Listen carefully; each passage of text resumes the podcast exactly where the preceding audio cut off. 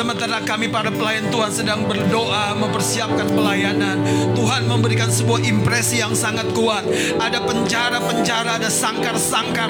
Sedang Tuhan buka, sedang Tuhan buka, sedang Tuhan buka. Ada tawanan-tawanan yang bebas, ada tawanan-tawanan yang dibebaskan, ada tawanan-tawanan yang lepaskan oleh Tuhan, ada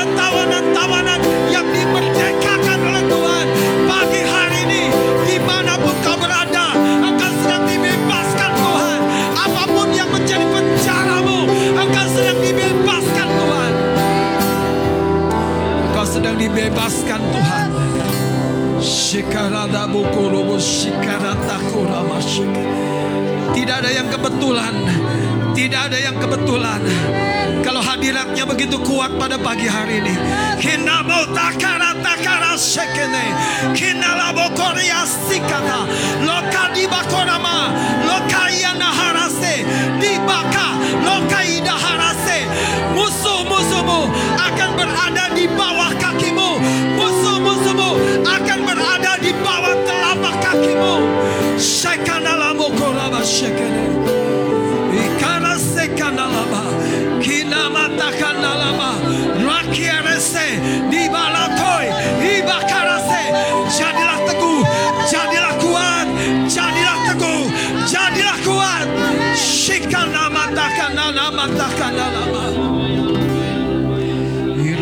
Irabo shandena makaranama. Hira sekere kina. Kera shinde na mukorobo Shindare na mo sande na lama Engkau yang di rumah Engkau yang di rumah di mana pun kau berada. Tangan Tuhan sedang menjangkaumu. Tangan Tuhan sedang menjangkaumu. Ketika engkau mengangkat tangan kepada dia Dia melihat hati. Dia melihat hati. Dia melihat hati. Hari ini terima kelepasan. Terima kelepasan. Beban-bebanmu dilepaskan Tuhan. Di dalam nama Yesus. Di dalam nama Di dalam nama Yesus. Shida bukarata kanala makarata kurubu shikara Kera shikaretaka Larina musande Lariano masande Kiaro bangkit, bangkit, bangkit, bangkit. Bangkit, bangkit. Ayo serukan nama Tuhan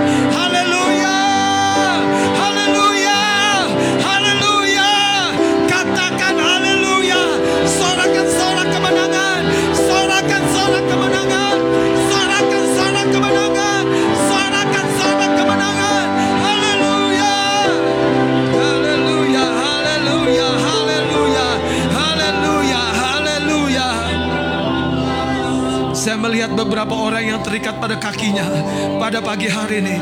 Engkau dapat bebas melangkah, melompat, berlari. Engkau dapat bebas melangkah, berlompat berlari. Kina mase karataka, rikaria nomo, baraka sakataka, nekari sakataku shikin, nema karataka. Mari kita angkat tangan kita terima kekuatan baru dari Tuhan. Ayo berdoa dalam bahasa roh, berdoa dalam bahasa roh, berdoa dalam bahasa roh. Hilabotakan dalam makarata, hinalo makarasa kata, dikariaratakan dalam keresikete, nikayada, kilalaba, kilalaba, kilalaba, shakanalaba, kilalaba, kilalayaka,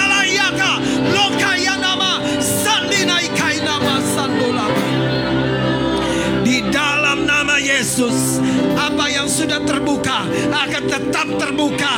Jalan-jalan Tuhan terbuka terbuka terbuka. Segala batu penghalang menyingkir dalam nama Yesus Kristus. Satu kali makarasa dekarina katakana kerasikatoko barokoya baba baba haleluya haleluya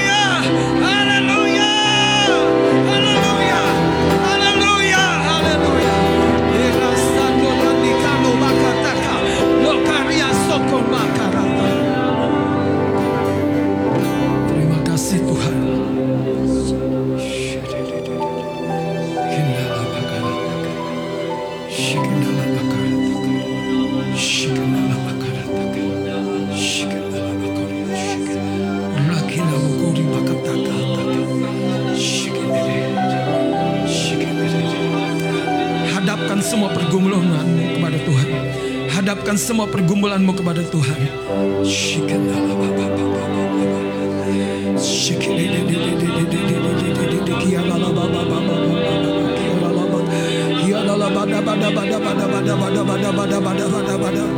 Tidak ada yang dapat tetap bertahan pergumulan-pergumulanmu.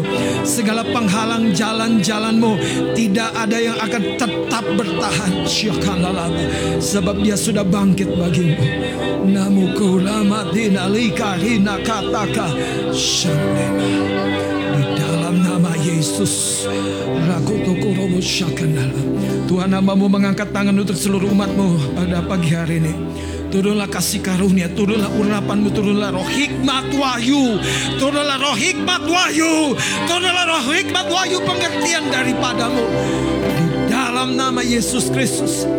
Segala sesuatu yang berasal dari dunia, segala sesuatu yang berasal dari roh, -roh jahat, segala bentuk ikatan-ikatan, segala sesuatu yang coba menyusup masuk, segala sesuatu yang coba melemahkan, kami orahkan, kami singkirkan, kami kebaskan di dalam nama Yesus.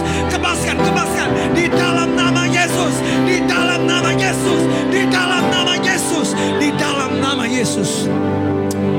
Ayo bersyukur masing-masing di tempat untuk kemenangan, kemenangan, kemenangan. Bersyukur di tempatmu masing-masing, di rumah, di sini, di mana pun kau berada bersyukur. Untuk pengharapanmu tidak pernah akan menjadi sia-sia. Shikaruba sakarata. Yarana mata kanala makarata. Narika na iyakora bato koro sande. Di karusa kata kata. Loki namo kori malari kete. Di kasakata hata. Laki le bakurobo. Di bato mamamba. Loki arasakata. Leki naikai namo. Rako rashakoro lobo kori mama. Yes, kadi kadi kata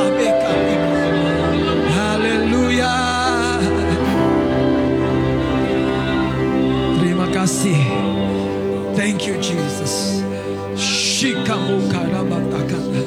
Terima kasih. Biar kami terus dikenyangkan, dipuaskan, dikenyangkan, dipuaskan, dikenyangkan, dipuaskan oleh Engkau sendiri. Beri tepuk tangan bagi Tuhan. Haleluya. Haleluya. Terima kasih Bapak dalam nama Yesus. Haleluya. Sama-sama katakan amin, amin, amin, amin, amin. Haleluya.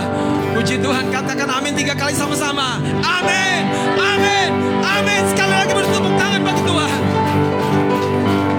Puji Tuhan silakan duduk Bapak Saudara dikasih oleh Tuhan. Saudara, segala sesuatu sebetulnya berbentuk sebuah mata rantai. Segala sesuatu bahkan, segala sesuatu. Bahkan yang Anda pikir tidak ada sebab musababnya, semuanya ada sebabnya. Semuanya ada alasannya. Kalau ada, ada kalau Anda ada di tempat ini hari ini, tidak ada yang kebetulan. Ada alasannya, amin. Ada tujuannya yang jelas, haleluya. Haleluya. Saudara saya mau cerita beberapa hal yang menurut saya cukup menggoncang saya dalam pengertian membawa saya dalam suatu pengertian-pengertian yang baru. Yang dalam kamus saya sendiri sesuatu yang baru sekali saudara. Kemarin sore setelah Sabtu siang kami hamba Tuhan ada pertemuan di Zoom. Hamba Tuhan pendeta dan gembala rohaniwan di DKI Bogor dan sekitarnya. Ya kami berdoa dan lain sebagainya.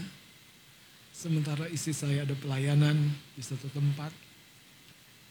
Kami cukup lama di sekretariat. Saya berdoa, membaca firman dan lain sebagainya. Kami pulang sore itu sudah cukup malam jam 8. Setelah mandi, saudara saya tidur-tiduran. Karena saya pikir saya mau lurusin pinggang saya dulu.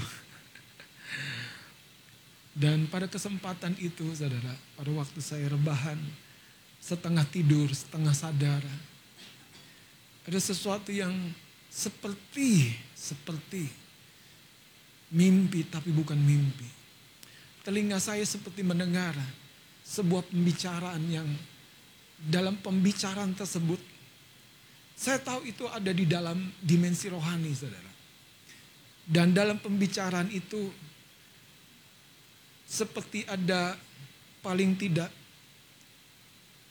dua pribadi dalam perbincangan itu. Saya seperti di bawah Tuhan menyadap pembicaraan itu.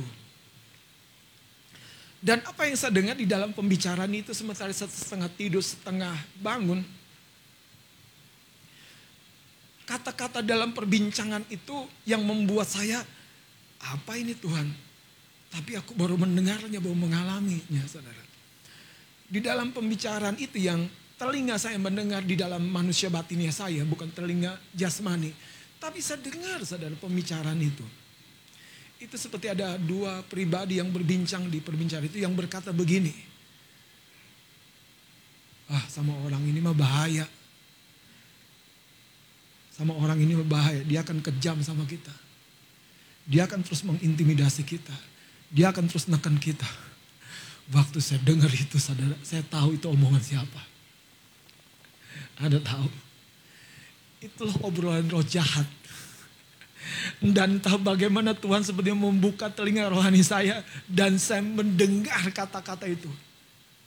Dan waktu kata-kata itu saya dengar juga saudara. Saya jadi tahu begini. Saya jadi tahu siapa saya. Saya, tak, saya jadi tahu siapa posisi saya. Sejak itu saya, saya mau berkata begini saudara. Saya tidak akan menjadi pribadi yang lemah tidak berdaya, berputus asa. Saya tidak lagi akan berpikir saudara setengah-setengah. Tetapi saya akan terus mendesak. Dan yang menarik dari perbincangan itu saya tahu saudara. Begini. Tuhan tahu siapa Anda. Tuhan tahu siapa kita. Bahkan setan pun tahu siapa kita. Jenis kita tuh setan tuh bahkan tahu saudara. Nah waktu suara itu berbincang saya langsung ngerti. Hah, sejak itu saudara. Kalaupun saya berdoa belum kelihatan faktanya. Saya akan terus saudara mendesak. Bahkan dalam tanda kutip. Saya akan terus kejam sama setan. Dan itu sebuah perbincangan yang belum pernah saya inginkan saudara. Artinya apa? Bukan saya kuat, bukan saya gagah. Tetapi ketika kita berdoa di dalam nama Yesus. Nama itu berkuasa. Nama itu mampu. Nama itu ampuh saudara.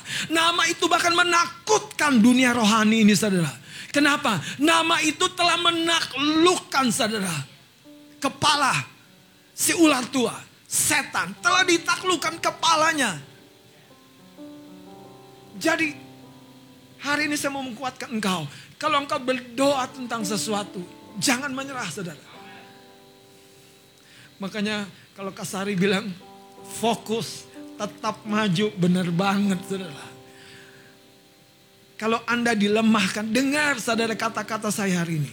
Setan tahu siapa kita, itu sebabnya satu yang dia mau lakukan, dia mau grogoti saudara iman Anda. Dia mau lemahkan semangat Anda. Dia akan mulai membisikkan kata-kata kosong, kata-kata hampa, kata-kata yang membuat engkau jadi tawar, kata-kata yang membuat engkau mundur saja di belakang dan melepaskan mimpi-mimpi besarmu. Tetapi hari ini Tuhan berkata, engkau merupakan ancaman bagi setan. Itu sebabnya kalau Anda ikut doa malam, pada Jumat kemarin, bangkit dan bersinarlah. Ini merupakan mata rantai saudara. Mata rantai. Nah hari ini, kalau Anda mendapat gelombangnya seperti sebuah perahu, berlayarlah segera saudara. Jangan tunda, berlayarlah segera. Ketika anginnya berhembus, berlayarlah pancang layarmu saudara. Haleluya. Kalau Anda menunda, kalau Anda menyia-nyiakan kesempatan, Setan akan mulai cari kesempatan, ruang gerak, tipu dayanya. Yang coba disodorkan kepada kita. Haleluya. Pada pagi hari ini saya berdoa Anda dan saya akan menangkap sesuatu yang besar. Sesuatu yang sangat besar dari Tuhan. Dari Tuhan bukan dari kekuatanmu. Haleluya.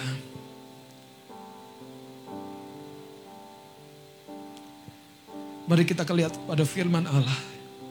Saya berdoa firman yang singkat pada pagi hari ini akan menguatkan dan memantapkan posisi Anda. Kenapa? Karena di tanganmu, saudara, masa depanmu. Bukan di Tuhan lagi. Pada imanmu, saudara, itu masa depanmu. Buka 2 Korintus pasal 6 ayat yang kedua. Pagi hari ini kita akan belajar satu tema waktu perkenanan Tuhan. Waktu perkenanan Tuhan. Kadangkala dalam kekristenan, dalam kekristenan kita tergoda saudara mengenakan beberapa paradigma lama. Yaitu kalau Anda mau mengalami jawaban doa, Anda harus puasa begitu rupa. Itu boleh, itu benar, itu baik. Tetapi bukan itu satu-satunya saudara. Kenapa? Karena Alkitab mencatat saudara. Begitu banyak orang ditolong bukan karena upaya kebaikan mereka. Bukan karena kesalehan mereka. Tapi Tuhan sudah membuka pintu gerbang kasih karunia-Nya. Dan buat kita maju saja. Kalau Anda ingat saudara, sebuah pesan Tuhan yang singkat yang disampaikan oleh Ibu Gembala. Tiga kata, datang, bawa, dan ambil. Betul ya? Datang, bawa, dan ambil apa yang Anda ambil tergantung dari apa apa yang Anda bawa. Kalau Anda hanya bawa sebesar botol gelas aqua, Anda hanya datang ke pancuran dan membawa sebanyak sebotol atau segelas gelas aqua itu. Tapi kalau Anda membawa saudara satu tangki pemadam kebakaran, anda akan menyedot dari sumber air yang melimpah itu. Anda akan membawa sebanyak satu tangki pemadam kebakaran. Tergantung apa yang Anda bawa. Haleluya. Datang, bawa dan ambil. Tuhan memanggil kita kepada sebuah pintu cakrawala yang terbuka. Tetapi saudara bagianmu dan bagianku itu dikembalikan kepada tangan kita masing-masing. Katakan amin. Katakan datang, bawa, ambil. Haleluya siap. Kita baca 2 Korintus pasal yang ke-6 ayat yang kedua kita akan baca bersama-sama dua tiga. Sebab Allah berfirman, pada waktu aku berkenan, aku akan mendengarkan engkau dan pada waktu akhir aku akan menolong engkau. Sesungguhnya waktu ini adalah waktu perkenanan itu. Sesungguhnya hari ini adalah hari penyelamatan itu. Saudara, ini adalah kutipan dari kitab yang dibaca oleh Rasul Paulus. Yang ketika Paulus bicara kepada jemaat Korintus, Rasul Paulus sedang menggarisbawahi bahwa Kristus datang ke muka bumi, lahir, mati di kayu salib, turun ke dalam kerajaan maut, bangkit dari antara orang mati, adalah saudara penggenapan dari ayat ini. Sehingga kita tidak sedang menunggu waktu yang lain. Kita tidak sedang menanti hari yang lain. Kita sedang berada di dalam hari-hari perkenanan itu. Itu sebabnya saudara, apa yang roh jahat selalu lakukan adalah yang pertama, dia biasa menyibukkan kita. Sehingga kita tidak fokus kepada apa yang penting. Apa yang harusnya kita lakukan. Sibuk Pak Gembala sibuk dengan tugas pelayanan. Jemaat sibuk, sibuk, sibuk. Sayangnya saudara, di tengah kesibukan itu, di situlah sering kali saudara, kita melepaskan misi yang sesungguhnya yang Tuhan rencanakan buat hidup kita. Yang kedua saudara, kita tenggelam di dalam berbagai-bagai permasalahan kita. Kita fokus kepada berbagai-bagai keadaan kita, tapi tidak berfokus kepada kehendak Tuhan. Hari ini Tuhan mau membangkitkan kita fokus kepada kehendak Tuhan. Yang ketiga biasanya saudara kita hanya memperhatikan kekurangan kita, kelemahan kita. Kita lupa bahwa dari pihak Tuhan, Tuhan sudah menyediakan semua yang perlu untuk kemenangan kita, untuk keberhasilan kita, untuk kesuksesan kita. Ayat yang kedua ini berkata, sebab Allah berfirman, pada waktu aku berkenan. Pada waktu aku berkenan. Tapi lihat pada kalimat akhirnya, hari ini adalah hari penyelamatan itu. Hari ini adalah waktu perkenanan itu. Tuhan mau menggarisbawahi buat engkau dan saya hari ini. Gereja Tuhan yang sedang hidup di dalam zaman menjelang kedatangan Tuhan. Bukan kebangkitan Tuhan lagi. Menjelang kedatangan Tuhan. Kebangkitan Tuhan sudah jauh di belakang. Dia segera akan datang. Dan Alkitab berkata dia akan mencurahkan dua kali lipat rohnya di tengah-tengah gerejanya. Untuk apa? Supaya engkau dan saya merebut sebesar-besarnya kemenangan yang Tuhan rencanakan. Ayat ini berkata, pada waktu aku berkenan, aku akan mendengarkan engkau. Dan pada hari aku menyelamatkan, aku akan menolong engkau. Sesungguhnya waktu ini. Waktu ini, waktu ini. Ada sebuah cerita kecil yang saya baca yang bagus sekali untuk mengajarkan kepada kita pentingnya saudara menghargai kesempatan, yang sebetulnya selalu datang kepada engkau dan saya. Di satu daerah, di sebuah pasar yang begitu aktif, ramai sekali, berjual beli. Begitu hidup pikuk saudara di sana. Ternyata di sebuah balai-balai di tempat tidur, ada seorang pemuda yang sehat, yang sebetulnya tidak kekurangan apa-apa tapi sebaliknya dia sedang tidur meringkuk di balai itu. Sekian waktu pasar itu lalu lalang banyak orang. Dan Alkisah ada seorang bapak, seorang pedagang yang setelah melakukan aktivitasnya di pasar itu hendak kembali ke tempatnya. Melihat sang pemuda yang dari pagi hanya tidur di balai-balai itu. Menghampiri sang pemuda dan bertanya, Pemuda, Kenapa kamu masih tiduran saja dari pagi? Sementara ramai sekali pasar ini dengan hidup pikuk kesibukannya. Dari aku datang sampai aku selesai melakukan segala sesuatunya di pasar ini. Aku hanya lihat engkau duduk tidur-tiduran di balai ini. Apa yang kau sesungguhnya lakukan?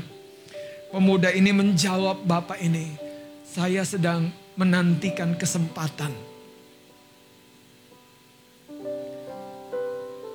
Sejenak bapak ini mengerenyitkan dahi dan berpikir. Kemudian dia bertanya kepada pemuda ini.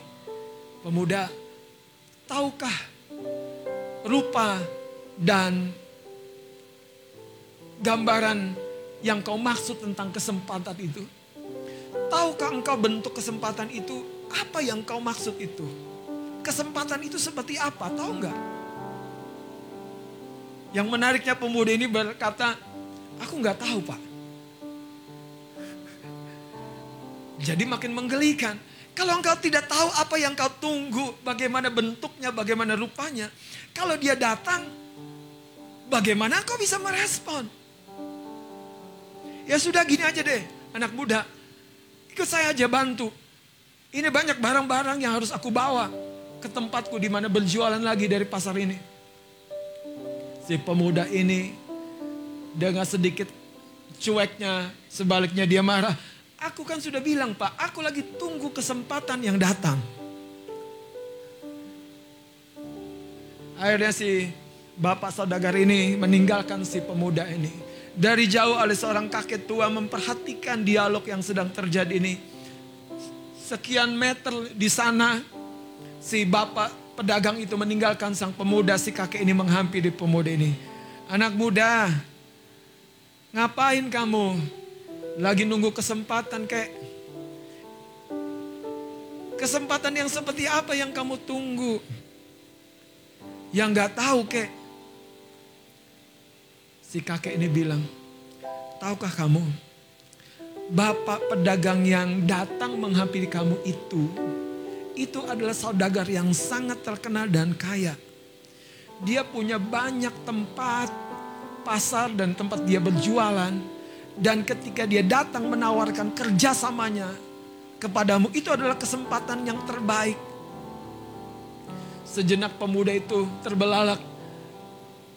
Dan dia lihat ke arah jalan di mana saudagar itu berlalu sudah sangat jauh, dia teriak-teriak, dia coba melambaikan tangan memanggil. Saudagar itu sayang sekali. Bapak pedagang dan saudagar kaya itu tidak bisa lagi mendengar. Karena sudah berlalu begitu cepat. Alkisah si pemuda ini kembali kepada kakek ini dengan menangis.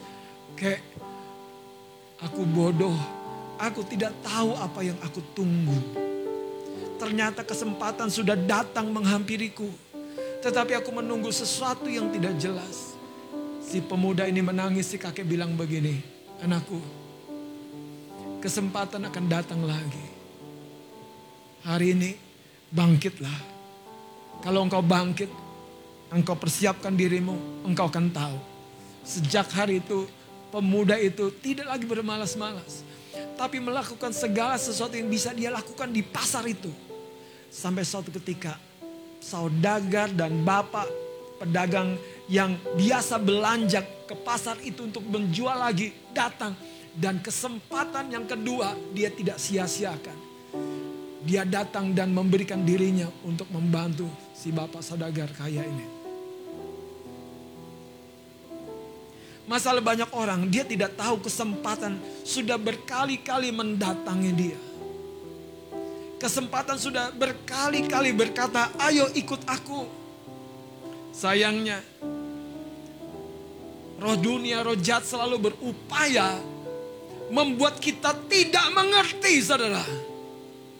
Bahwa kesempatan itu sedang mengangkat kita bergerak dari tempat kita. Pagi hari ini apa yang kau bayangkan tentang kesempatan dalam hidupmu? Anak-anak muda, jodoh seperti apa yang kau sedang tunggu? Halo, ya pokoknya yang takut akan Tuhan. Yang takut akan Tuhan itu jenisnya kayak apa? Halo? Hah? Yang Kristen, Bang. Yang Kristen tuh banyak. Kristen mananya? Hatinya, dompetnya? Halo, pemudi-pemudi. Nunggu apa lagi? Tapi bukan asal tembak. Saudara tahu, kesempatan selalu datang. Masalahnya sering kali kita tidak mengerti saudara kesempatan yang dimaksud Tuhan itu seperti apa. Mari buka Markus pasal yang kedua. Ayat yang pertama sampai ayat yang ke-12.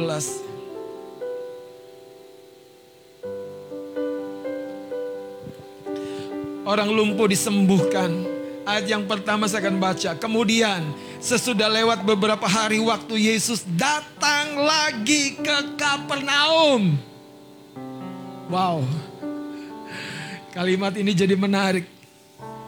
Kemudian sesudah lewat beberapa hari waktu Yesus datang lagi ke Kapernaum. Terus tersiarlah kabar bahwa ia ada di rumah. Mari kita perhatikan, cerita ini seru menurut saya. Maka datanglah orang-orang berkerumun sehingga tidak ada lagi tempat. Makanya kita masih bersyukur ya kan. Anda bisa pesan bangku sama kan Ani. Kan Ani aku mau kebaktian pesan bangku ya. Kalau enggak Anda kebaktian di atas tuh di gereja anak. kita masih ada bangku di sini. Lihat saudara, tidak ada lagi tempat bahkan di muka pintu pun apa? Tidak. Sepertinya kesempatan sudah tidak ada lagi.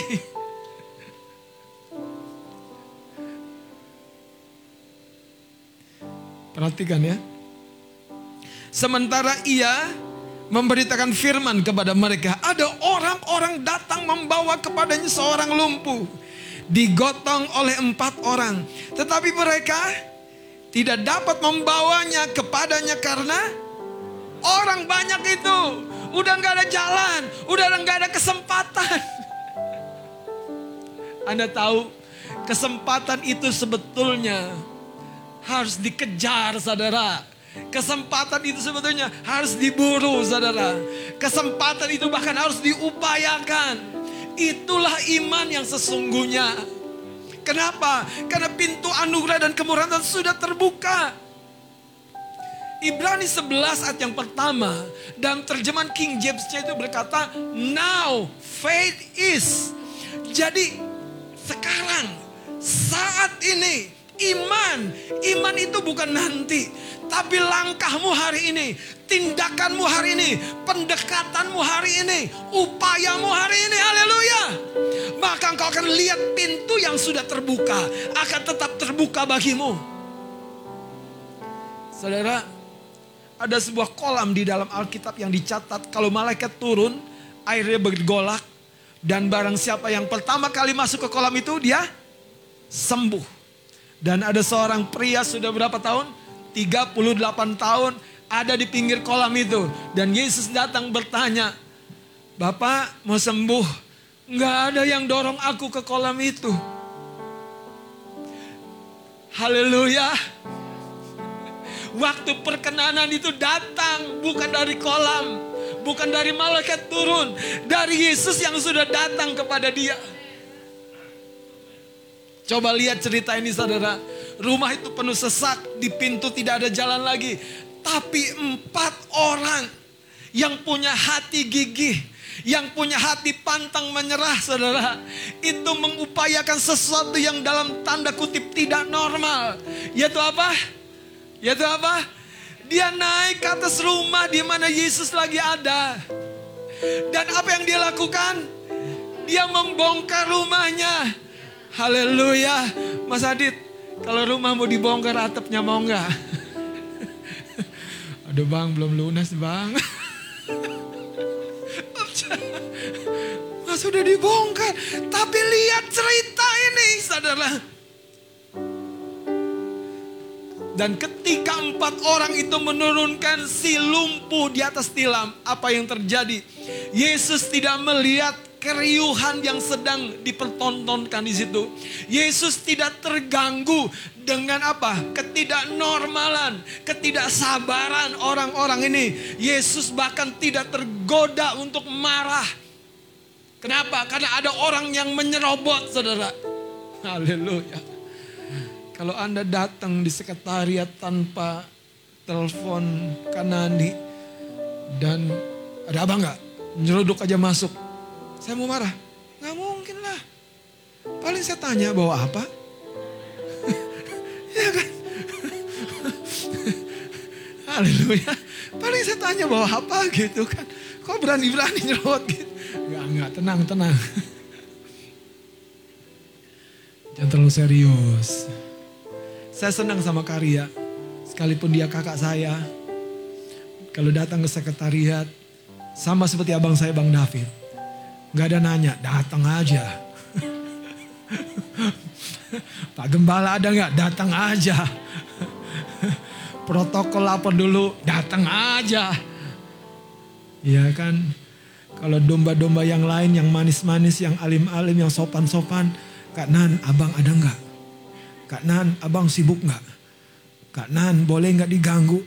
Ya lah, ini pertanyaan perjanjian lama. Ini zaman membongkar atap. Halo? Halo? Halo? Ya, Kak Boima ya? Iya kan? Betul. Atap itu bongkar aja. Nah, datang bang, aku mau dimuridkan abang. Wih, dahsyat ini. Yesus mencari murid saya, didatangi murid. Haleluya.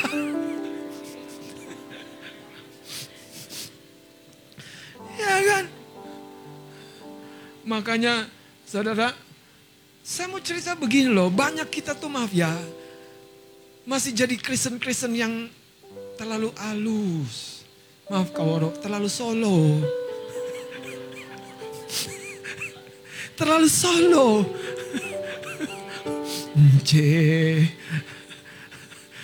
Jadi saudara, repot.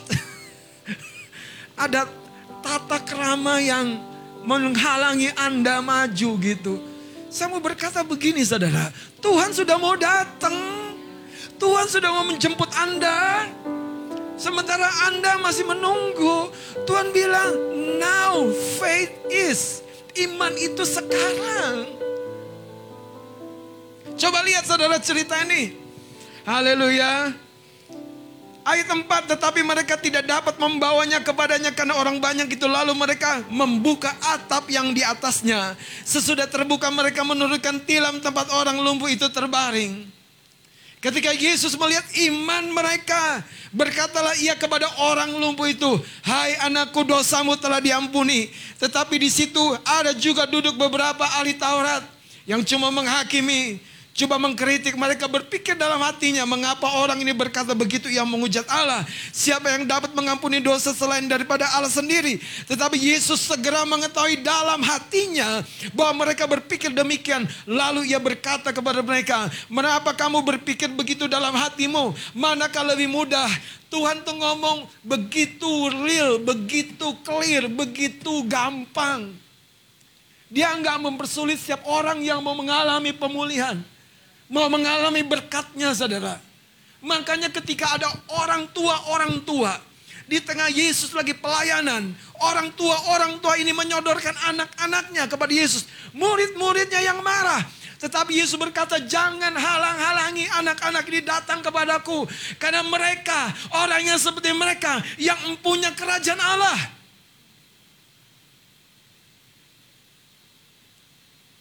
Saudara, Hari ini rubah mentalitas kita. Tuhan mau datang saudara. Kita harus bawa persembahan kepadanya. Segala hikmat, segala kekayaan, segala kejayaan, segala kehormatan. Itu dari dia, oleh dia, dan bagi dia. Tetapi siapa yang membawa dan mempersembahkannya? Engkau dan saya kepada dia. Bukan orang dunia nih, bukan orang fasik juga. Tetapi engkau dan saya pewaris-pewaris kerajaannya. Itu sebabnya kalau kamu sukses, jadilah sukses saudara. Sungguh-sungguh. Yabes dicatat, lahir dalam kesakitannya. Sampai ibunya memberi nama Yabes. Karena memberikan kesakitan dan penderitaan yang luar biasa. Kalau dia bermain selalu ada stigma. Kamu membuat penderitaan. Kamu pembuat susah. Tetapi Alkitab berkata, Yabes berseru kepada Allah Israel. Dan akibat sebuah fellowship itu, akibat sebuah iman itu, Yabes lebih diberkati, Yabes lebih dimuliakan. Haleluya. Amin. Ayat 9 coba lihat. Manakah lebih mudah mengatakan kepada orang lumpuh ini dosamu sudah diampuni atau mengatakan bangunlah, angkatlah tilammu dan berjalanlah. Tetapi supaya kamu tahu bahwa di dunia ini anak manusia berkuasa mengampuni dosa. Berkatalah ia kepada orang lumpuh itu. Kepadamu kukatakan, bangunlah, angkatlah tempat tidurmu dan pulanglah ke rumahmu. Dan orang itu pun bangun, segera mengangkat tempat tidurnya dan pergi keluar di hadapan orang-orang itu. Sehingga mereka semua takjub. Lalu apa? Lalu apa? Ini yang harusnya terjadi. Tuhan dimuliakan, Allah dimuliakan. Ketika engkau mengalami breakthrough, ketika engkau mengalami campur tangan Tuhan dalam keuanganmu, ketika engkau mengalami campur tangan Tuhan dalam kesehatanmu, saudara. Haleluya. Saya nggak punya agenda sama Tuhan, tapi Tuhan buka telinga rohani saya. Sehingga saya mendengar bisik-bisik itu saudara. Saya mendengar bisik-bisik itu. Tapi bisik-bisik itu saudara. Seperti sebuah rahasia yang bocor saudara. Kesimpulannya apa? Jangan patah semangat. Masih ada Tuhan. Masih ada Tuhan. Saudara, setan itu sakit sebetulnya kalau mendengar nama Yesus. Dia seperti dihujani pedang. Tapi kalau Anda berhenti, ada titik kebal dia yang akan menahan ketajaman pedang itu. Tapi kalau Anda terus terus, terus, terus, terus. Saudara titik kebal yang namanya tipu daya itu akan ditembus. Iman Anda akan menghasilkan, pasti menghasilkan, pasti membuahkan sesuatu. Empat orang ini menerobos pintu yang tidak terbuka, membuat pintu baru, bukan di depan, bukan di samping, tapi di atas. Saya berdoa saudara, anak-anak muda. Bayangkanlah engkau mulai punya sesuatu yang mulai mempekerjakan orang lain. Engkau bukan hanya bekerja. Mimpilah sesuatu yang jauh lebih besar dari dirimu. Kalau engkau berkata, siapakah aku ini? Engkau adalah anakku, kata Tuhan.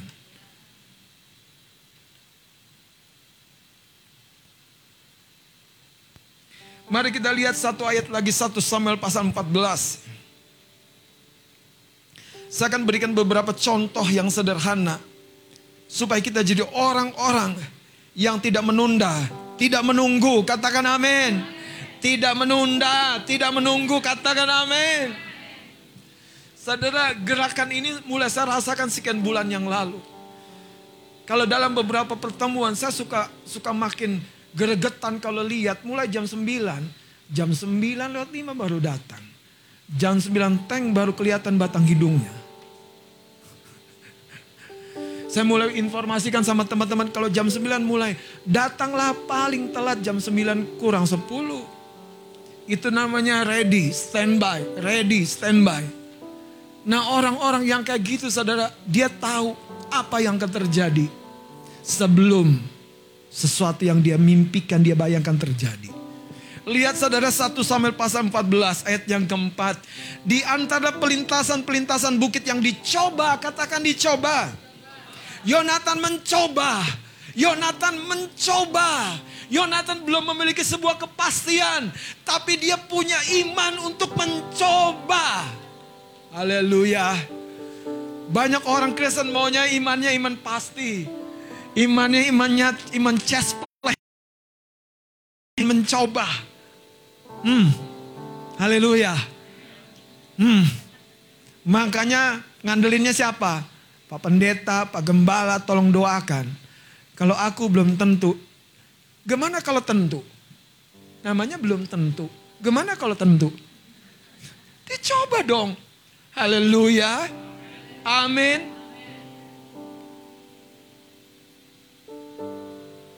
Mari lihat ayat yang keempat.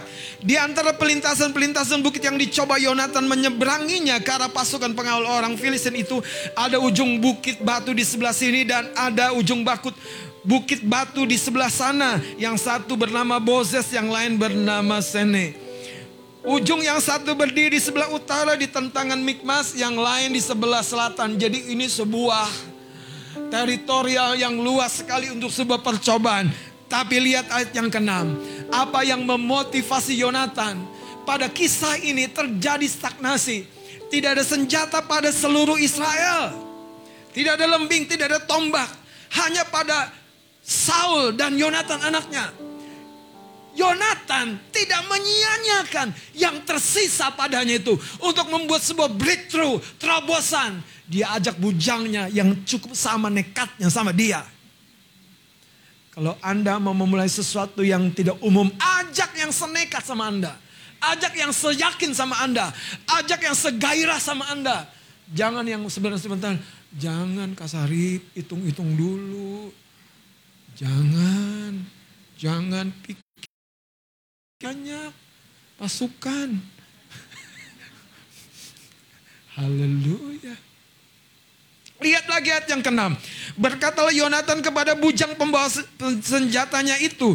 Marilah kita menyeberang ke dekat pasukan pengawal orang-orang yang tidak bersunat ini.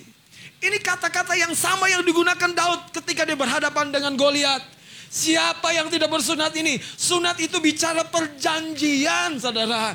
Sunat itu bicara Anda dan saya ada di dalam satu akte perjanjian.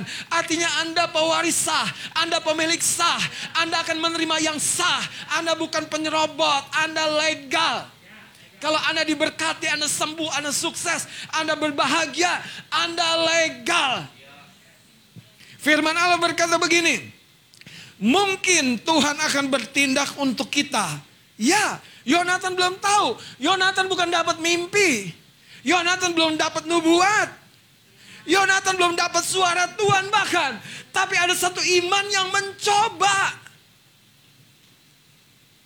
Saya lanjutkan. Mungkin Tuhan akan bertindak untuk kita sebab bagi Tuhan tidak sukar untuk menolong baik dengan orang banyak, baik dengan banyak orang maupun dengan sedikit orang. Jadi faktornya yang pertama apa? Tuhan. Dan Tuhan berpihak kepada orang yang mempercayainya, yang mengandalkannya. Sekali lagi, Tuhan berpihak kepada orang yang mempercayainya dan mengandalkannya. Haleluya. Haleluya. Haleluya. Haleluya. Saudara ini waktunya. Senjata di tangan Anda. Jangan letakkan, jangan sarungkan. Anda maju saudara, maju, maju, maju. Kuasa kegelapan akan menahan Anda. Kuasa kegelapan akan menggempur Anda. Tetapi Anda bukan orang yang mundur. Anda bukan orang yang takut. Anda bukan orang yang menyerah. Mungkin pertempuran akan sengit. Tapi saya mau kasih tahu kemenangan sudah direncanakan oleh Tuhan berpihak kepada Anda. Haleluya. Empat orang yang mengangkat seorang lumpuh. Mungkin saudaranya, mungkin orang tuanya, mungkin keluarganya. Empat orang ini melihat tidak ada jalan. Di pintu tidak ada. Di kanan kiri tidak ada. Tapi orang ini mencari cara naik ke atas rumah, membongkar atap dan menurutkan tepat di depan Yesus. Saya percaya hari ini suara Tuhan sangat cukup buat kita bukan untuk membuat Anda berdiam diri, tapi untuk mengambil langkah, mengambil kesempatan, bukan menunggu lagi, tetapi mendesak, merebut kesempatan itu. Kalau Anda baca cerita ini seterusnya saudara, Yonatan menghasilkan kemenangan kecil. Dari kemenangan kecil ini terjadi saudara sebuah kabar-kabar yang sangat menghebohkan. Di perkemahan musuh. Sampai ketakutan meluas di perkemahan musuh. Dan mereka terjadi huru hara. Dan lebih besar lagi kemenangan. Sampai seluruh tentara Israel mendengar saudara terobosan itu. Saya berdoa, Anda kalau didorong di dalam hatimu untuk mengambil sebuah langkah yang baru, langkah yang berbeda. Anda hadapkan kepada Tuhan. Kalaupun Anda belum yakin, belum dapat tuntunan, hadapkan kepada Tuhan. Itu namanya Anda mengandalkan Dia, mempercayai Dia. Ketimbang Anda nunggu hitungan tepat, hitungan pas, hitungan segala macam, tapi Anda tidak libatkan Tuhan juga.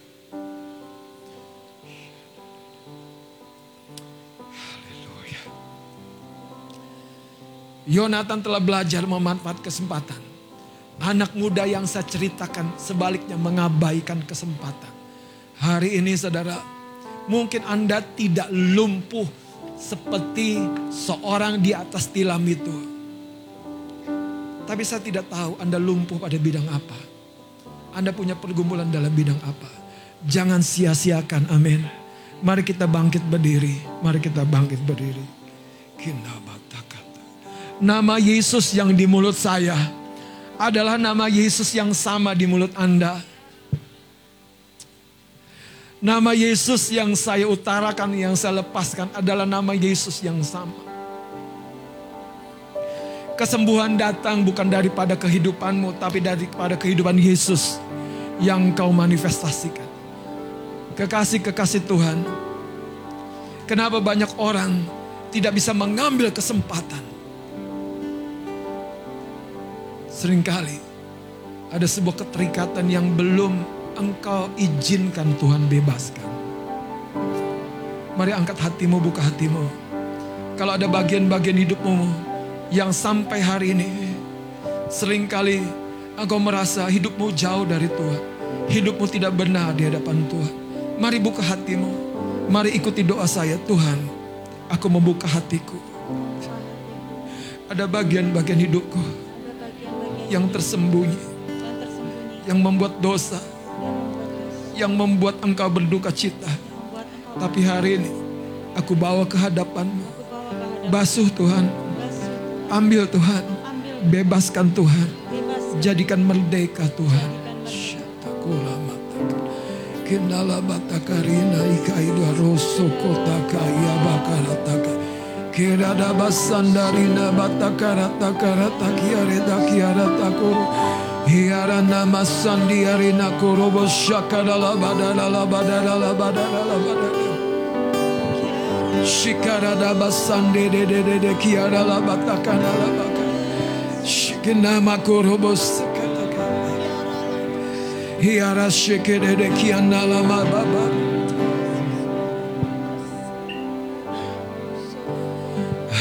harapanku di dalammu. Hanya kau Yesus.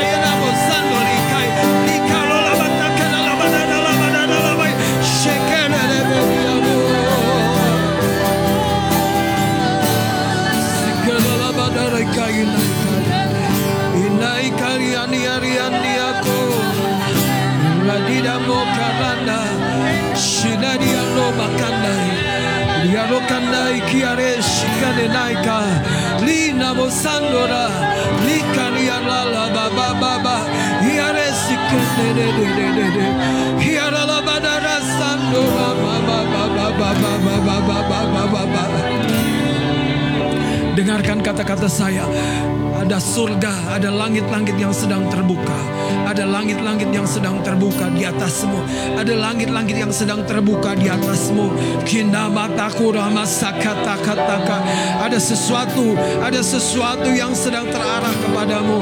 Percayai apa yang datang dari Tuhan adalah segala berkat anugerah kebaikannya. Kina mata kandala mata kana nikandala makari nalabaka shikara ladi kandala baka yakora shikete nikandola baba santa nikandala mababa lakia dedede kinaikai lo kata kata kata, shindadi dari dari dari alala baba baba baba baba baba kiara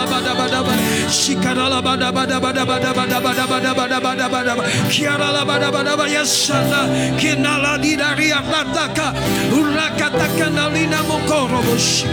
Hallelujah, hallelujah, hallelujah, hallelujah.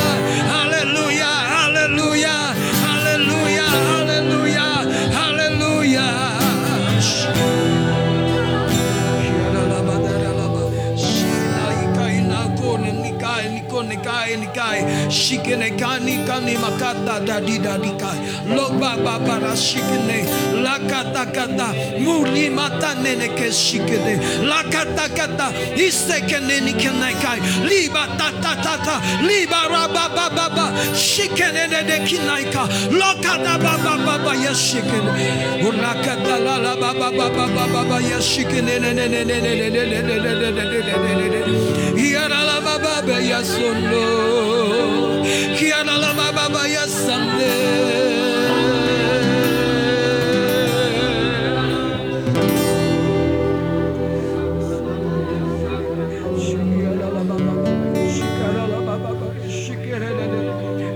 Kanamukona mikana mukoni mikana kai shik katala biriri kinai kala baya shekete likori manda komai kari arasande likato koraba baba baba shikare dali dali kala laba ushikalo laba baba keni nani kani kani rakata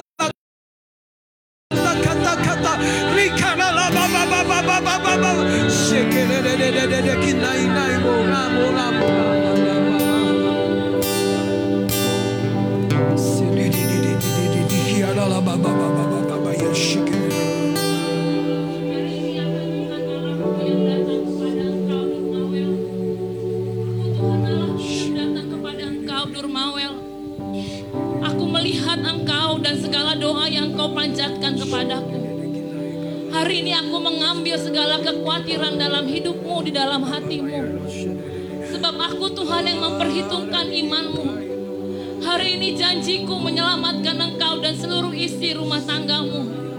Damai sejahteraku mengalir kepada engkau Durmawel dan seluruh isi keluargamu.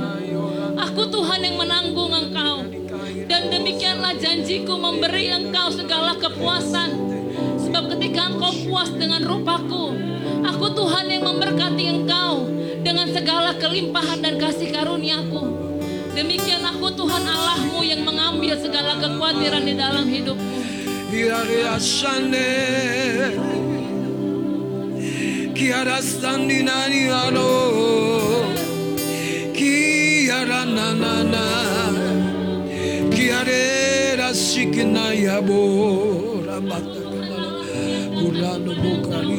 Ya, di mana pun engkau berada. Aku Tuhan Allahmu yang melihat engkau berbicara kepadaku. Jagalah hatimu dengan segala kewaspadaan. Karena dari situlah engkau akan memancarkan kehidupan Kristus. Hari ini aku berkata kepada engkau, pandanglah kepadaku. Jangan engkau teralihkan segala sesuatu yang dari dunia ini. Jangan biarkan yang dari daging ini membuat engkau terlalu sibuk sehingga engkau lupa bahwa aku Tuhan Allahmu yang di sampingmu. Aku mengambil juga daripadamu segala kekhawatiran tentang masa depanmu. Sebab bukan engkau yang bekerja, tapi aku Tuhan Allahmu di dalam hidupmu yang bekerja. hatimu dengan segala kewaspadaan. Demikian firmanku berpesan kepada Haleluya. Kiaro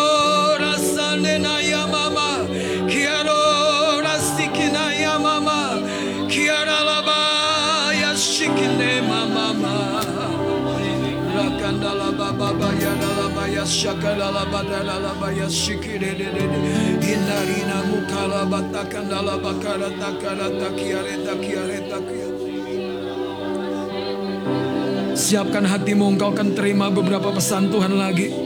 Tapi sebelum itu disampaikan, sebelum itu disampaikan, mari engkau dan saya akan melakukan sebuah tindakan-tindakan yang seperti Tuhan ajarkan.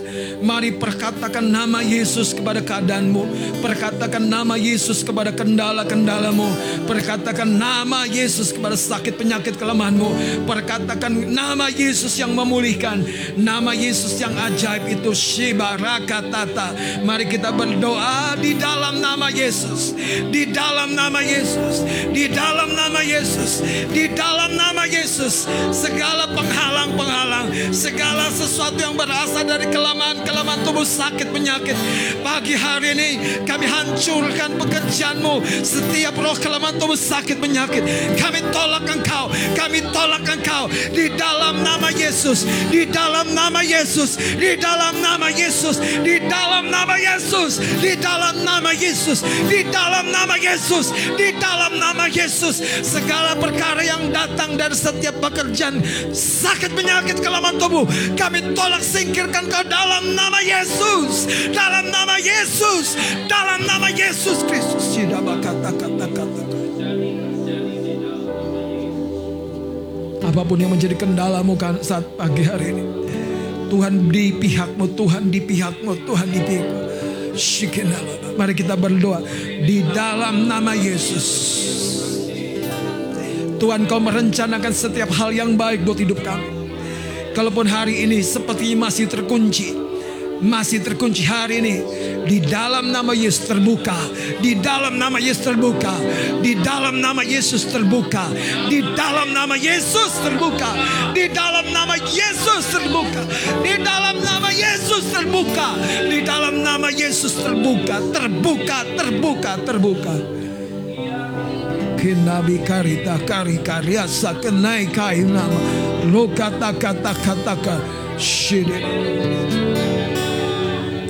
Hallelujah.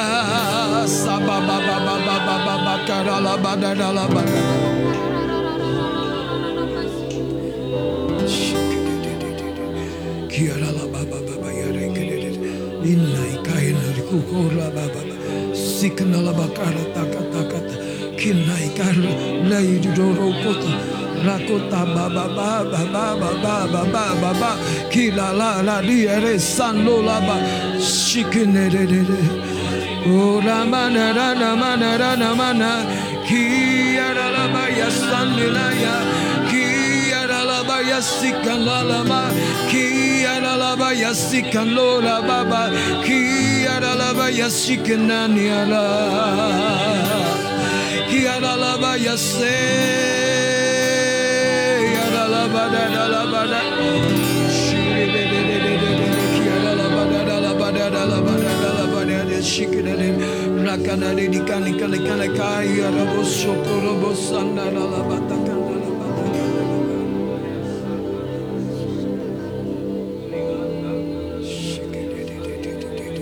Kiara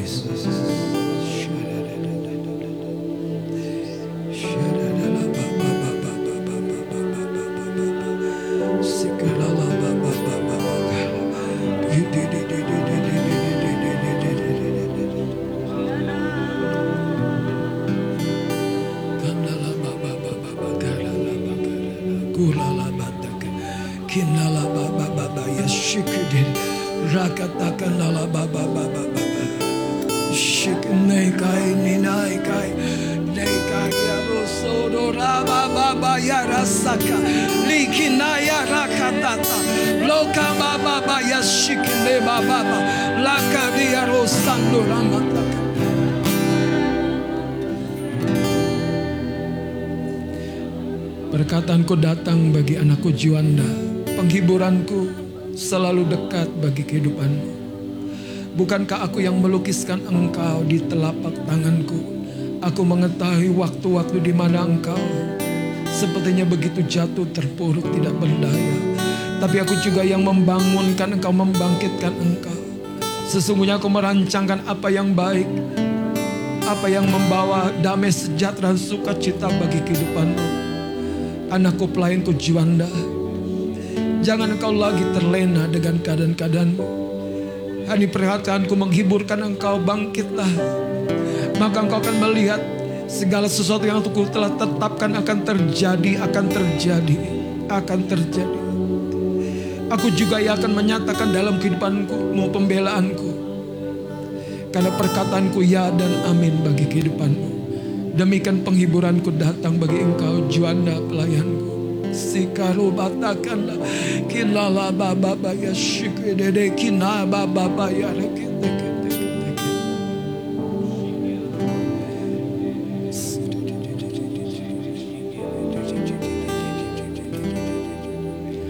Martin anakku yang aku kasih, bukankah aku melihat segala sesuatu yang lama dalam kehidupanmu? Dan aku tidak pernah membangkit-bangkitkan. Namun aku berkata hari ini, pisahkan anakku, lepaskan. Biarlah segala sesuatu yang berasal dari kehidupan lamamu engkau tanggalkan. Maka engkau akan menyongsong segala sesuatu yang luar biasa dan ajaib. Akulah yang telah berkata-kata kepadamu Martin anakku. Aku memanggil engkau kepada rancanganku yang baik dan indah. Dan aku tidak pernah berlambat-lambat. Tapi hari ini jangan biarkan kakimu tertahan. Karena sesungguhnya aku yang akan menopang engkau, menguatkan engkau. Berlarilah, berlarilah anakku Martin. Karena segala anugerah dan kebaikanmu menantikan engkau. Demikian perkataanku menguatkan engkau Martin anakku. Shikalo batakanlah. Kilari kata-kata kiara shikene kata-kata kurobos syatiba. Rakanda lama. Mari angkat tangan kita kepada Tuhan. Terima kasih Bapa. Harapanku di dalammu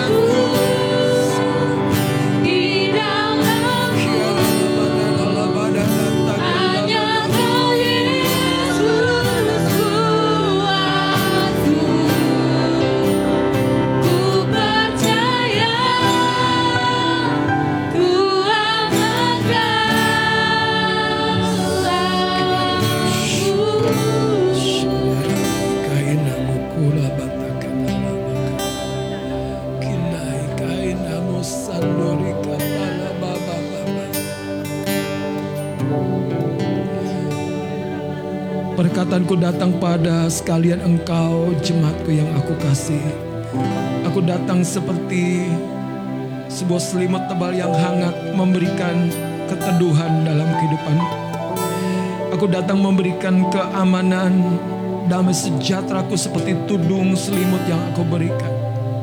Tinggallah di dalamnya, tinggallah di dalamnya. Maka engkau akan tahu betapa aku memeliharakan kehidupanmu. Aku tidak pernah lalai untuk setiap janji-janjiku tergenapi dan terjadi.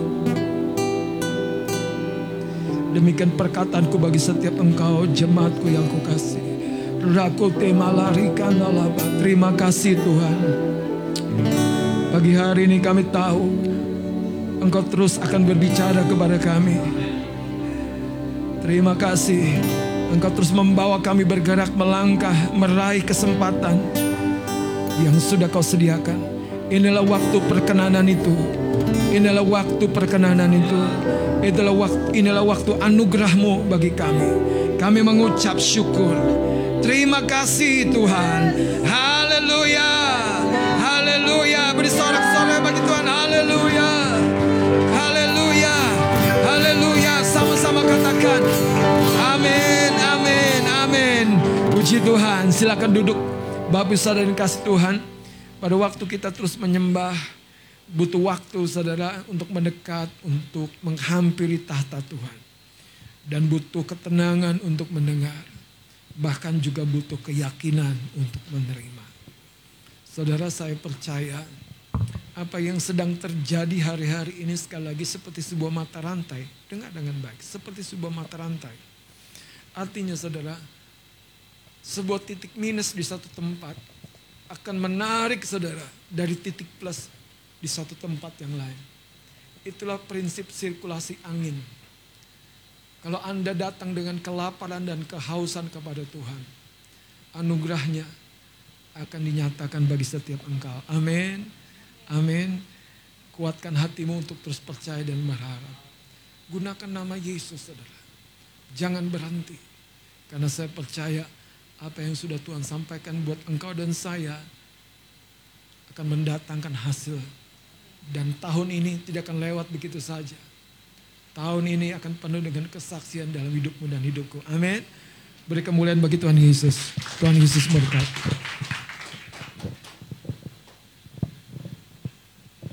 Haleluya. Saudara bersuka cita? Amin. Disegarkan, dikuatkan. Sebentar akan diberi kesempatan. Sebelum nanti kita akan berdoa untuk anak-anak sekolah minggu. Jika ada pesan Tuhan atau hikmat marifat yang dipercayakan, waktu dan tempat kami persilakan.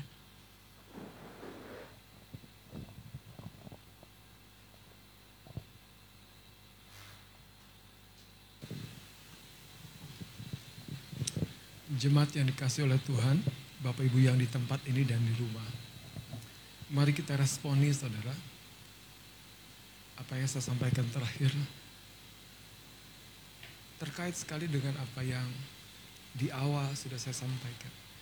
Ada seperti pintu-pintu penjara, seperti pintu-pintu sangkar yang terbuka. Dan Tuhan sedang membawa keluar tawanan-tawanan. Dan pada pernyataan yang terakhir, ada seperti selimut yang tebal. Tuhan memberikan rasa damai, aman, sehingga engkau dapat melangkah dengan percaya. Saudara, kadangkala ya ada tawanan-tawanan yang baru bebas. Itu masih belum pede, masih belum siap untuk menjalani hidup sebagaimana mestinya. Karena itu butuh naungan, butuh selimut tebal dari Tuhan. Saya mendorong saudara, seperti doa malam yang kemarin, Tuhan sedang begitu rupa ingin menguatkan kita bangkit dan mengalami semua penyediaan Tuhan. Saya ingatkan kembali kata-kata Roh Kudus yang sudah disampaikan oleh Ibu Gembala, datang, bawa dan ambil. Saudara, ini waktu bagi kita, ini waktu bagi kita. Kadang-kadang saya berkata dalam hati saya, kalau sudah waktu terakhir, kurang tidur, kurang istirahat, kurang segala satu yang secara daging tidak menjadi masalah. Asal hal yang terutama terjadi. Saya merindukan teman-teman, anak-anak muda, orang tua, para pekerja. Tahun ini akan mengalami terobosan, mengalami breakthrough. Amin. Ya. Mari kita sepakat dalam doa. Mari kita bahkan intens mendesak, saudara. Ya. Dan olehnya pintu yang sudah terbuka itu betul-betul saudara melepaskan semua kebajikan dan kemurahan Tuhan buat setiap kehidupan kita. Tuhan Yesus memberkati. Baik, Tuhan Yesus memberkati dan sekarang waktunya kita akan berdoa untuk anak-anak sekolah minggu yang ada di gereja boleh silakan maju dan anak-anak yang ada di rumah boleh dipersiapkan. Orang tua yang di rumah boleh mendampingi. Berkat yang dialirkan dari gereja juga akan diterima oleh anak-anak sekolah minggu yang ada di rumah.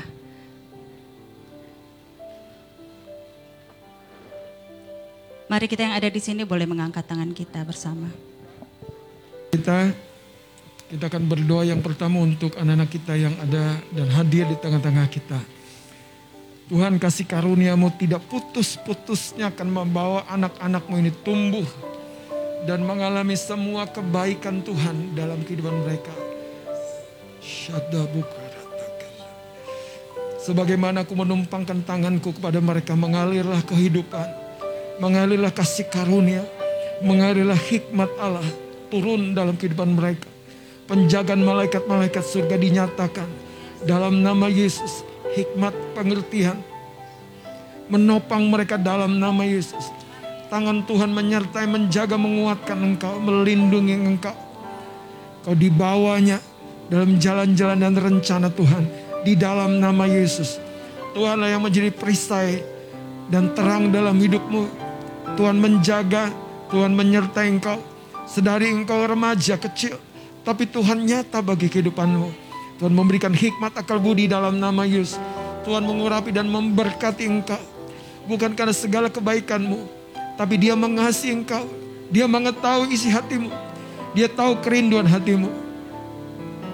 Di dalam nama Yesus. Kasih karunia kasihnya. Perkenanannya menyertai. Di dalam nama Yesus Kristus.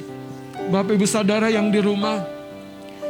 Mari dampingi anakmu di mana pun mereka berada di mana pun kau berada, taruh tumpangkan tanganmu dan sementara saya mengarahkan tangan saya kepada Bapak Ibu Saudara, anak-anakmu akan diberkati. Anak-anakmu akan diubahkan Tuhan.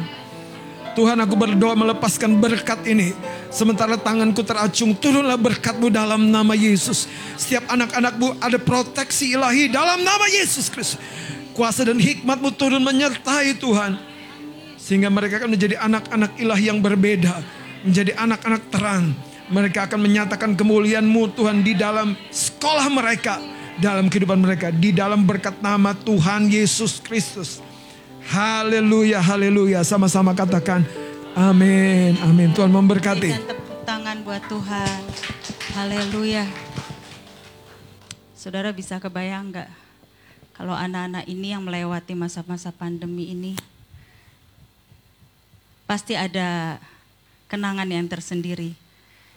Terlebih dia akan melihat bagaimana bapak ibunya dan kakak-kakak rohaninya melewati pandemi ini dengan dengan kuat dengan iman yang percaya kepada Tuhan. Akan terlihat terpampang nyata kalau bahasa kini terpampang nyata dilihat oleh anak-anak sekolah minggumu bagaimana engkau tetap memuliakan Tuhan di masa-masa pandemi ini. Bukan menyerah walaupun tidak ada dana sekalipun di rumah tangga tapi dia melihat bapak ibunya bukan orang-orang yang gampang menyerah karena ada Tuhan. Amin. Haleluya, diberkatilah anak-anak sekolah minggu kita. Baik, kita akan sama-sama mendengarkan pengumuman. Sebelum nanti uh, kita akan memberikan persembahan, saya akan menghimbau dari sini dengan kasih Tuhan. Jika saudara-saudara belum menerima amplop persembahan memberkati Natal, saudara boleh mengangkat tangan, para asyar akan membantu memberikan kepada saudara. Nanti akan diberikan setelah kita memberikan persembahan yang amplop warna kuning. Saudara-saudara boleh memberikan persembahan Natal ini dengan maju ke depan dan meletakkan di dalam kotak persembahan. Jika saudara-saudara ingin membawa pulang dulu ke rumah dan memberikannya silakan diberikan untuk minggu depan. Ya. Baik, kita akan memberikan persembahan sebentar lagi. Saudara-saudara jika ada yang belum menerima amplop ini boleh mengangkat tangan. Sudah terima semua ya? Kita akan sama-sama berdoa.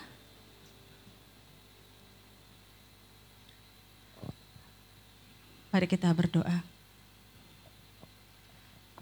Kami mengucap syukur kepadamu Tuhan untuk waktu yang kau berikan pada hari ini kami merasakan kuasa hadirat Tuhan yang luar biasa hari ini. Terima kasih Tuhan. Kami bersyukur dan saat ini ya Bapa kami akan memberikan persembahan kami. Dan juga persembahan Natal Tuhan, seberapa seberapa pun yang kami berikan, yang kami persiapkan, kami percaya Tuhan ada kuasa dan kasih Tuhan yang menyertainya. Terima kasih Tuhan, kami juga berdoa ya Bapak untuk persiapan Natal nanti. Dari dana-dana yang terkumpul, Engkau berikan hikmat bagi yang mengelolanya. sehingga membawa hanya bagi kemuliaan namamu saja. Terima kasih Tuhan, memberkati juga petugas yang akan mengedarkan kantong kolekte. Kuasa dan kasih Tuhan, fokus dan kekuatan menyertai hidup dan jalan hidupnya yang akan dia tempuh. Terima kasih Bapa, dengan penuh sukacita kami akan memberikan persembahan kami. Haleluya, amin. Sambil persembahan diedarkan, bagi jemaat yang beribadah di rumah, persembahan dapat ditransfer ke rekening, rekening bendahara atau dititip lewat sekretariat gereja. Selamat memberkati.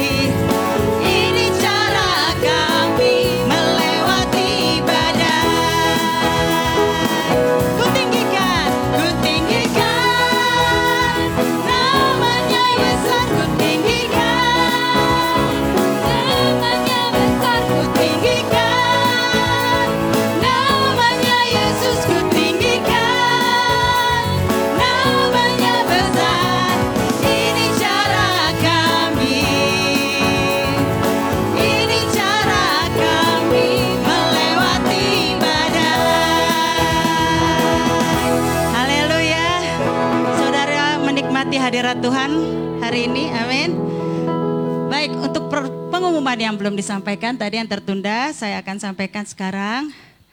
Untuk informasi kegiatan sepekan untuk hari Sabtu tanggal 31 Oktober 2020 akan ada ibadah pasutri. Wah, akhirnya ya.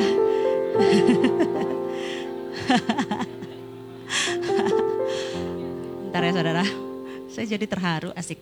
Enggak, jadi ini bukan per- eh, bukan sesuatu yang mudah tapi seperti Bapak Ibu Gembala sampaikan, tetap kembangkan layar. Haleluya. Karena kalau mungkin yang agak berbeda sedikit anak-anak muda mungkin tidak ada yang dipikirin gitu untuk datang ibadah youth kecuali ongkos kali ya.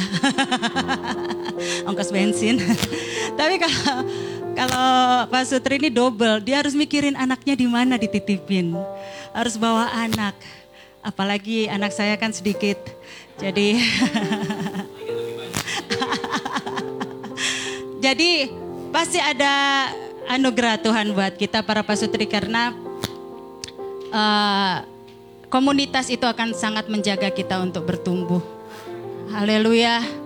Jadi untuk youth lihatlah kami. Asik. kami akan melewati badai ini bersama-sama kalian. Haleluya. Baik, semangat untuk para pasutri untuk hari Sabtu minggu depan jam 2 ya di gereja. Jadi sangat dibukakan untuk semua pasutri boleh datang jam 2. Baik, dan mungkin ada pengumuman dari eh, panitia Natal. Oh iya ya maaf. Shalom jemaat di gereja bah- bahkan yang di rumah. Eh, aku saya mewakili tim acara mau menyampaikan informasi bahwa untuk Natal kita di tahun 2020 ini akan ditetapkan di tanggal 13 Desember 2020. Dan untuk tema kita yang akan kita nantikan di Natal Kak kita ini uh, Light in the Darkness atau sinar di tengah kegelapan. Uh, maka dari itu mari kita uh, siapkan hati kita untuk menyambut Natal kita di tahun 2020 ini. Tuhan Yesus memberkati. Terima kasih Kak Boima. Haleluya. Ah, Natal telah tiba, Natal telah tiba. Haleluya. Saudara bersuka cita, amin. Wow. Haleluya. Saya percaya ketika kita pulang dari tempat ini, kita membawa bejana yang sudah penuh dan kita akan menjadi pelaku-pelaku firman Tuhan. Amin. Mari kita bangkit berdiri, kita akan mengakhiri ibadah kita. Puji Tuhan. Haleluya. Terima kasih Tuhan. Kita akan sama-sama menyanyikan lagu ini. Saudara boleh aminkan setiap lirik dalam lagu ini. Kita akan berdoa bersama-sama. Lewat lagu ini kita berdoa. Amin. Haleluya. Mari angkat suaramu. Tuhan curahkan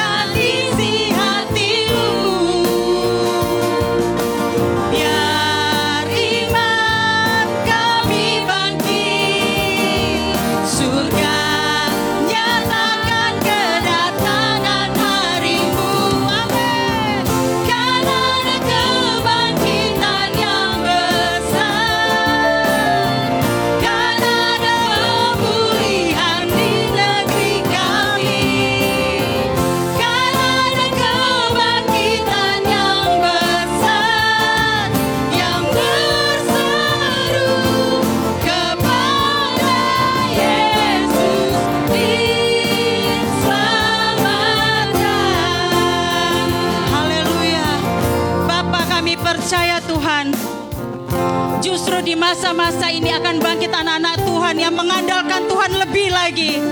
Akan ada kebangkitan roh. Kami percaya surga terbuka untuk mencurahkan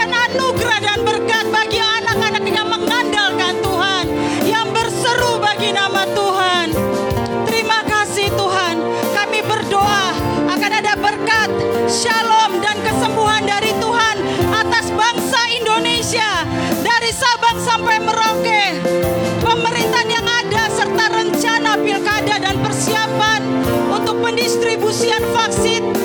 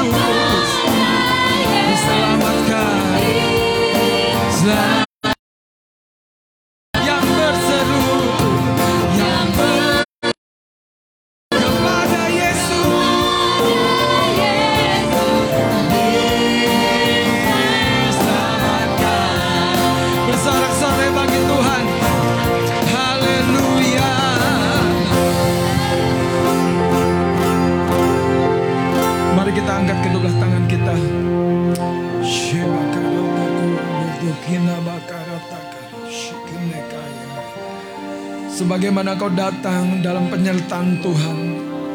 Engkau ada, engkau dibimbing. Engkau dipeliharanya, engkau diberkatinya Pulanglah Kiranya kasih karunia dari Allah dan Bapa di dalam surga. Sinar dari wajahnya menerangi langkah-langkahmu. Perkenanannya sudah nyata bagi hidupmu. Dan kiranya cinta kasih Tuhan Yesus Kristus Yang selalu ada bagimu Selalu ada menopangmu Dan di dalam persekutuan roh kudus Engkau akan menyelesaikan babak-babak ini dengan berkemenangan Engkau akan meraih sebaik-baiknya segala kasih karunia dan berkat ini. Terima di dalam nama Tuhan Yesus Kristus. Haleluya. Semua ini berkati dan percaya. Katakan sama-sama. Amin. Amin. Tuhan memberkati. Selamat hari Minggu, Tuhan Yesus memberkati.